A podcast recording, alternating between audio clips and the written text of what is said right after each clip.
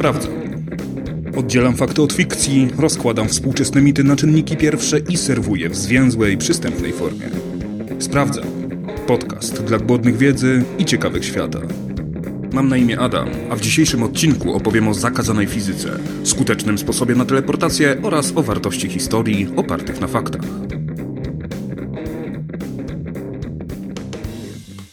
W 1943 roku USS Eldridge, amerykański niszczyciel eskortowy, został wybrany do przeprowadzenia na nim tajemniczego eksperymentu, który zaowocować miał jego zniknięciem, zarówno z radarów, ale również z przed oczu. Eksperyment miał się udać aż za bardzo. Okręt się zdematerializował i pojawił w zupełnie innym miejscu. Jego załoga zaś miała doświadczyć jeszcze dziwniejszych rzeczy.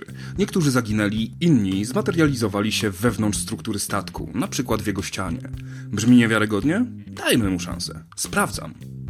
Historia tajemniczego eksperymentu zaczęła niemrawo się rozkręcać w 1955 roku, kiedy to Carlos Miquel Allende skontaktował się z Maurice'em Cage Zappem, autorem książki The Case for UFOs. Twierdził on, że był naocznym świadkiem wspomnianego eksperymentu. Podstawę naukową miał dać Albert Einstein wraz z jego jednolitą teorią pola. Swoją drogą, Carlos Allende miał nad nią z Einsteinem współpracować. Co za niefart, że nie ma po tym żadnego śladu.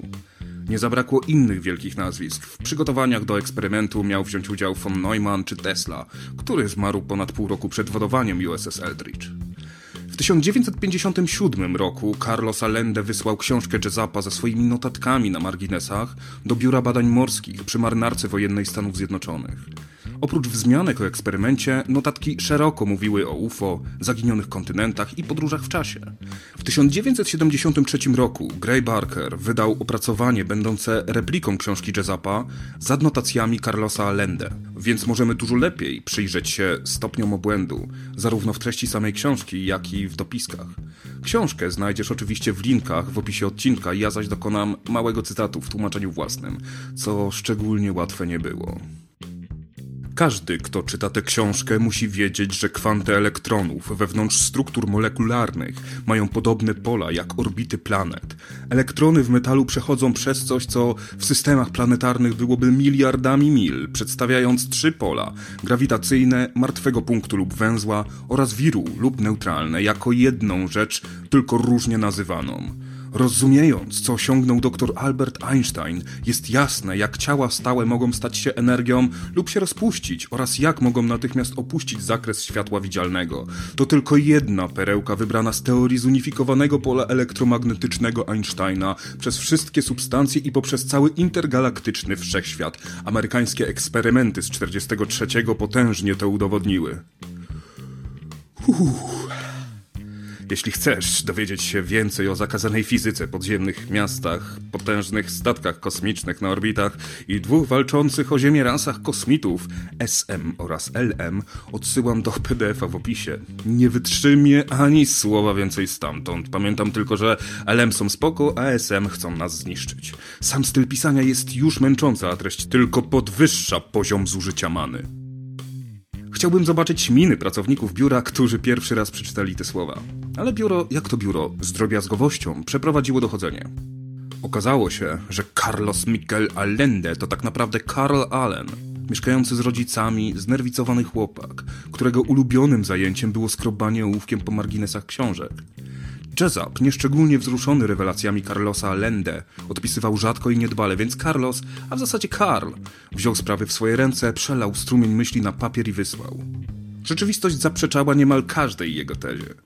W 43 okręty wojenne miały ważniejsze zajęcia niż znikanie i teleportacja, a ich trasy oraz to, co się działo w ich podróży, było dokładnie opisywane w dokumentach. Jak każdy dobry mit, historia eksperymentu Philadelphia ewoluowała z czasem. Początkowo Carl Allen wspominał USS Eldridge tylko z nazwy, później z numeru DE-173, później twierdził, że są dwa identyczne DE-173, zaś w 79 stwierdził, że jednak coś pokręcił i chodzi o DE-173 oraz DE-168. Niekonsekwencja w tak bazowych danych jest charakterystyczna dla osób, które mit próbują stworzyć.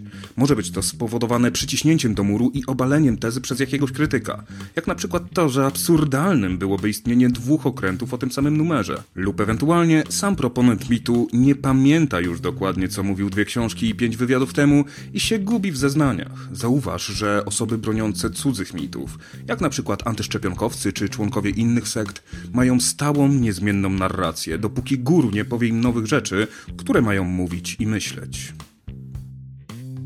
W latach 80. i 90. pojawiło się również kilka osób, które zapragnęły pchnąć historię dalej i podając się za marynarzy, którzy służyli na USS Eldridge, opowiadali tę samą śpiewkę. Choć nigdy nie udało im się przebić ponad występ w starożytnych kosmitach oraz każdemu z nich udowodniono oszustwo, nie przeszkodziło to fanatykom rzeczywistości alternatywnej zachwycać się kolejnymi twardymi dowodami, kompletnie ignorując to, co zaprzecza ich wizji świata pełnego tajemnic i promieniowania elektromagicznego. Mimo wszystko, mit w postaci oszlifowanej, bez dziwnych kosmitów i podróży w czasie jest całkiem ładny, całkiem plastyczny. Trafił w końcu do Hollywood, choć nie w szczególnie uzdolnione ręce, ale na pewno pomogło mu to przebić się do głównego nurtu. Historia sama w sobie jest piękna. Łączy w sobie marzenia o byciu niewidzialnym i wykorzystania tego do niecnych celów, co przechodził każdy nastoletni chłopiec. Mamy eksperyment i zabawę w Boga, nieprzewidziane rezultaty i karę za pychę. Świetny materiał na film science fiction, lecz kropli prawdy w tym... Chwila, moment. USS Angstorm, niszczyciel klasy Ewarts o numerze DE-50, został zwodowany 24 lipca 1942 roku. Konstruowany był w stoczni marynarki wojennej w Filadelfii. W czerwcu 1943 roku ruszył z Filadelfii do Norfolk, pokonując w 6 godzin trasę, która statkom handlowym zajmowała dwa dni. Teleportacja? Można odnieść takie wrażenie, ale tylko jeżeli założymy, że okręty wojskowe korzystają wyłącznie ze szlaków handlowych.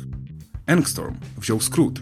Co więcej, mijał się wówczas z USS Eldridge, a wszystko to wiemy z dokumentów oraz relacji załoganta USS Angstorm, Edwarda Dajona, co do którego istnieją dokumenty potwierdzające jego obecność w tym czasie na tym okręcie.